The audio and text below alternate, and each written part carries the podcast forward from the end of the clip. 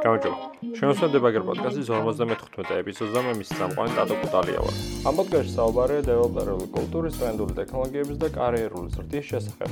სამ დავიწყოთ გთხოვთ რომ შეფასება დატოვოთ იმ პლატფორმაზე, რომელზეც უსმენთ ამ პოდკასტს და ემატოთ Facebook ჯგუფში და დაალაიქოთ Facebook გვერდი, რადგანაც სხვებს დაეხმარება უფრო მარტივად იპოვონ ეს პოდკასტი.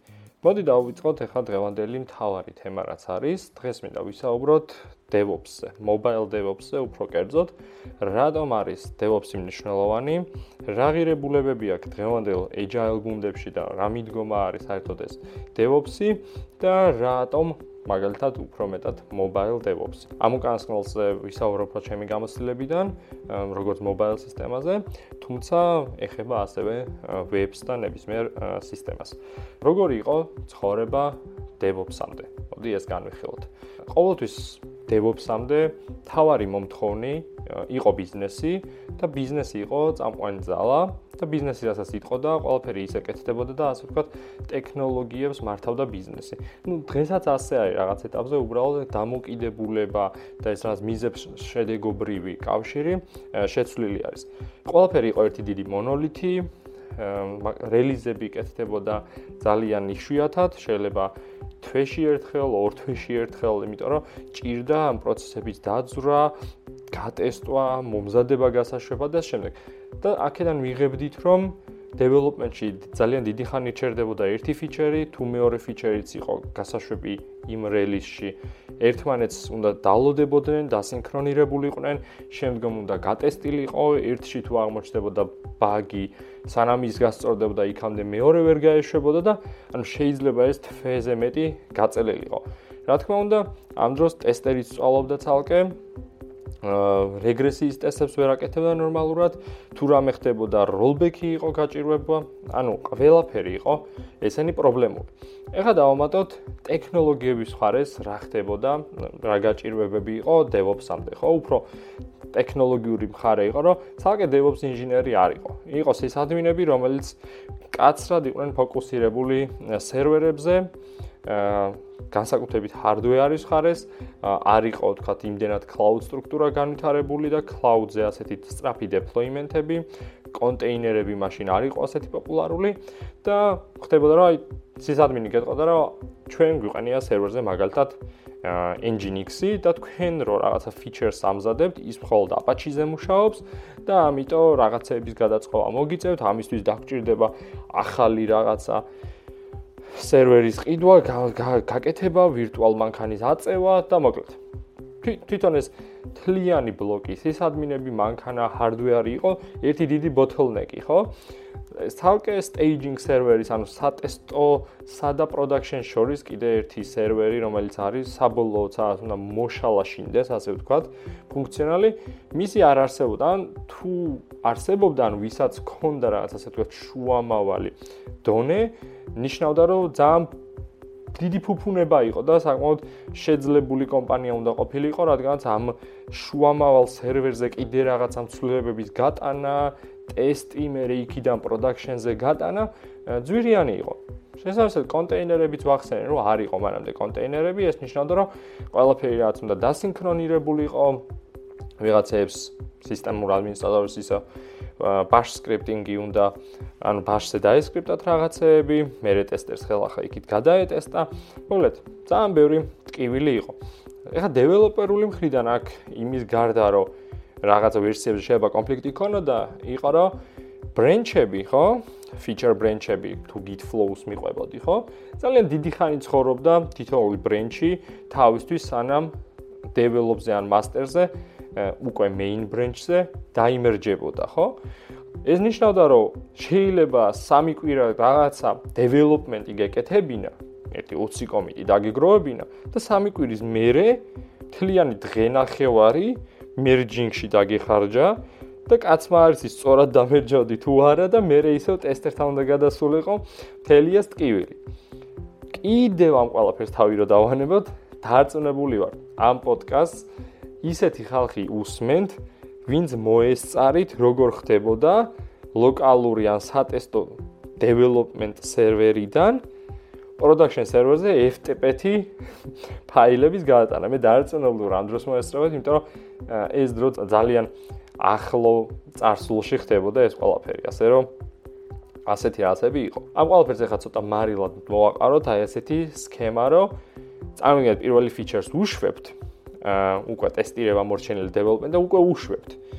და ამ დროს თქვენ მეორე features-ზე გაქვთ დაწყებული მუშაობა, ხო? და მეორე feature-ის development-ისას და ტესტირებისას იპოვეთ ბაგი, რომელიც პირველი რელიზის გაშვებისას იქნა დაშვებული. ეს ნიშნავს, რომ თქვენ ამ დროს გიწევთ ორ რაღაცაზე მუშაობა რა.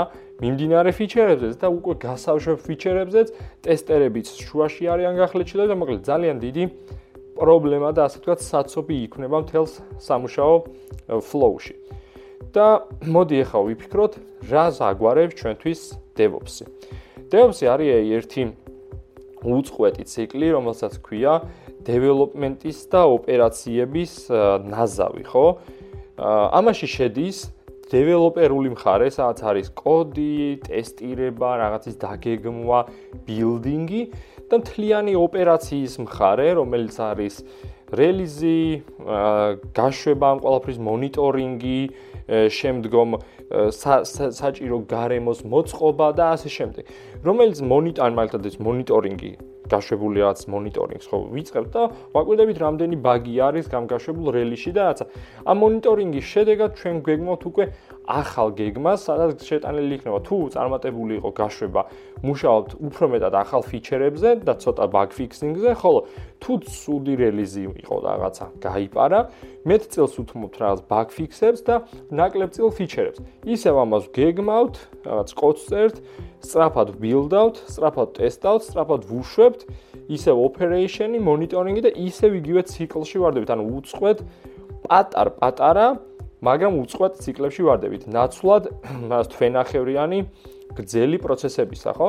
ამის ყველაზე დიდი პლუსი, ყველაზე დიდი პლუსი, რაც არის, ძალიან მოკლე ესენი გაქვს გადაბმები, პატარ-პატარა იტერაციები გაქვს, პატარ-პატარა ნაბიჯებს გაქვს ყოველთვის ისე რომ უკან დაბრუნებაც მარტივია და ხელახლა ხელმეორე ბაგ ფიქსის ანუ ახალი რელიზის წამოწევა ისევ მარტივია, იმიტომ რომ ყოველთვის პატარ-პატარა ნაბიჯებით მიიწევ, ხო? ამითი ფიდბექ ლუპი, რასაც ქვია უკუკავშირის ეს შეკრული წრე, ბევრად მოკლეა. კომუნიკაცია გაუმჯობესებული არის. ბრენჩები დასამერჯად და რაღაცა უფრო ცოტა ხნით ჩერდება და ნაკლები წვალება უწევს pull request-ის merge-ზე ადამიანებს, დეველოპერებს, რაც ავტომატურად ნიშნავს, რომ მათი კომფორტი და მუშაობის ხარისხი გაუმჯობესებულია. ასევე ბევრად ნაკლები ბრენჩები გვაქვს თვითონ, იმიტომ რომ პატარა ცოტ-ცოტა ფიჩერი გვაქვს თითოეულ რელიში, მაგრამ სწრაფი ნაბიჯებით მივდივართ, ხო? და საბოლოოდ აღმოჩნდება ესეთი რაღაცა, რომ ძალიან ბევრს ვარელიზებთ, ყოველ ორ კვირაში ერთხელ რაღაც ახალი ვერსია გაქვს, როგორი კონფიგურაციითაც გინდა ისეც გაუშვებ და ძალიან მალე იღებ ამაზე პასუხს და შეგიძლია რეაგირება. ზუსტად ისევე, როგორც agile teams შეესაბამება. agile კულტურაზე გუნდებზე მომავალ ეპიზოდებში ვისაუბრებთ და დაარწმუნებულ ეს თემა გაინტერესებთ. ზუსტად აი agile გუნდის კულტურაში ჯდება DevOps-ი, ხო? agile არის რაც ეს პროცედურები, DevOps-ი არის თლიანად დეველოპერული და ოპერაციული ნაწილის ავტომატიზება და გამარტივება, ასე რომ agile უფრო პროცესები, რომელიც ბიზნესსა და დეველოპერს ხარეს ხდება, ხოლო DevOps-ი დეველოპერსა და ოპერაციებს შორის ხდება. ორივე ერთად არის ძალიან დიდი წარმატების სიმბოლო. ასევე გაუნჯობესებული არის ჩვენთვის security ნაწილი, რადგანაც უფრო უფრო პატარა ნაბიჯებით მივდივართ, არ ვარ დამოკიდებული ვიღაცის ლოკალურ კომპიუტერზე რაღაცა გაწერილი იყო ვიღაცის სატესტოზე, ის სატესტო შემთხვევით გარეთ მოხვდა და დაგვიჰაკეს ან რაღაცა. ანუ ესეთი პრობლემებიც მოვაგვარებთ, ყველაფერი გვაქვს დაკონტეინერებული, ყველაფრის ესა სწრაფად წაშლა აღდგენა შეგვიძლია.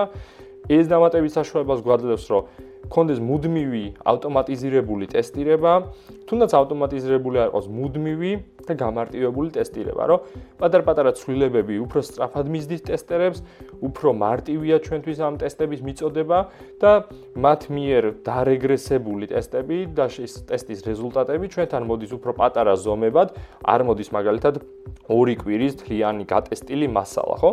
მოდის ბოლო ან სამ დღეში რა ფიჩერებიც მივაწოდეთ, იმ ფიჩერების, თქვათ, ბაგები, რომელიც პატარა ზომის იქნება, რომელიც ასევე ძალიან სწრაფად მოვინელებთ დეველოპერები და ხელახალ ბილდს ძალიან სწრაფად გამომზადეთ და რაც თავარია ეს ყველაფერი თუ არა უმეტესობა იქნება ავტომატიზირებული. ამიტომ ერთი შეხედვით რატომ DevOps-ი ამაზე ერთ პასუხზე მეტად არის თლიანად კულტურა იცვლება შენსერვილო თლიანად გარემო რომის ნაწილისხმევას ძალიან კომფორტულად იგრძნო დროთა განმავლობაში თავს.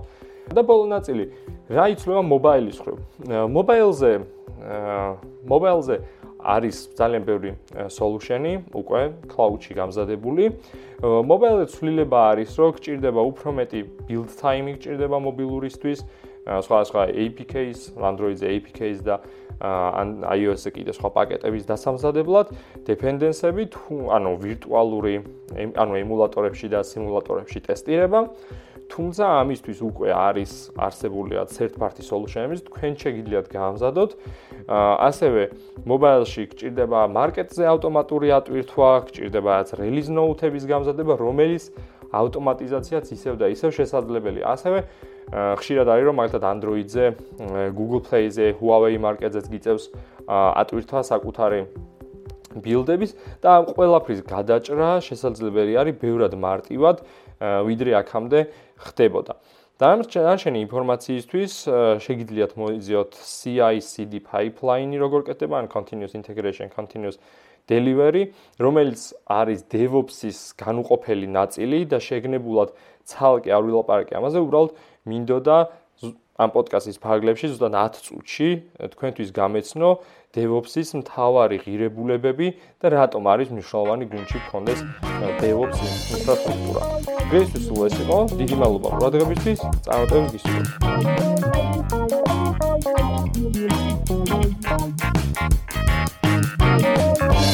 Bye.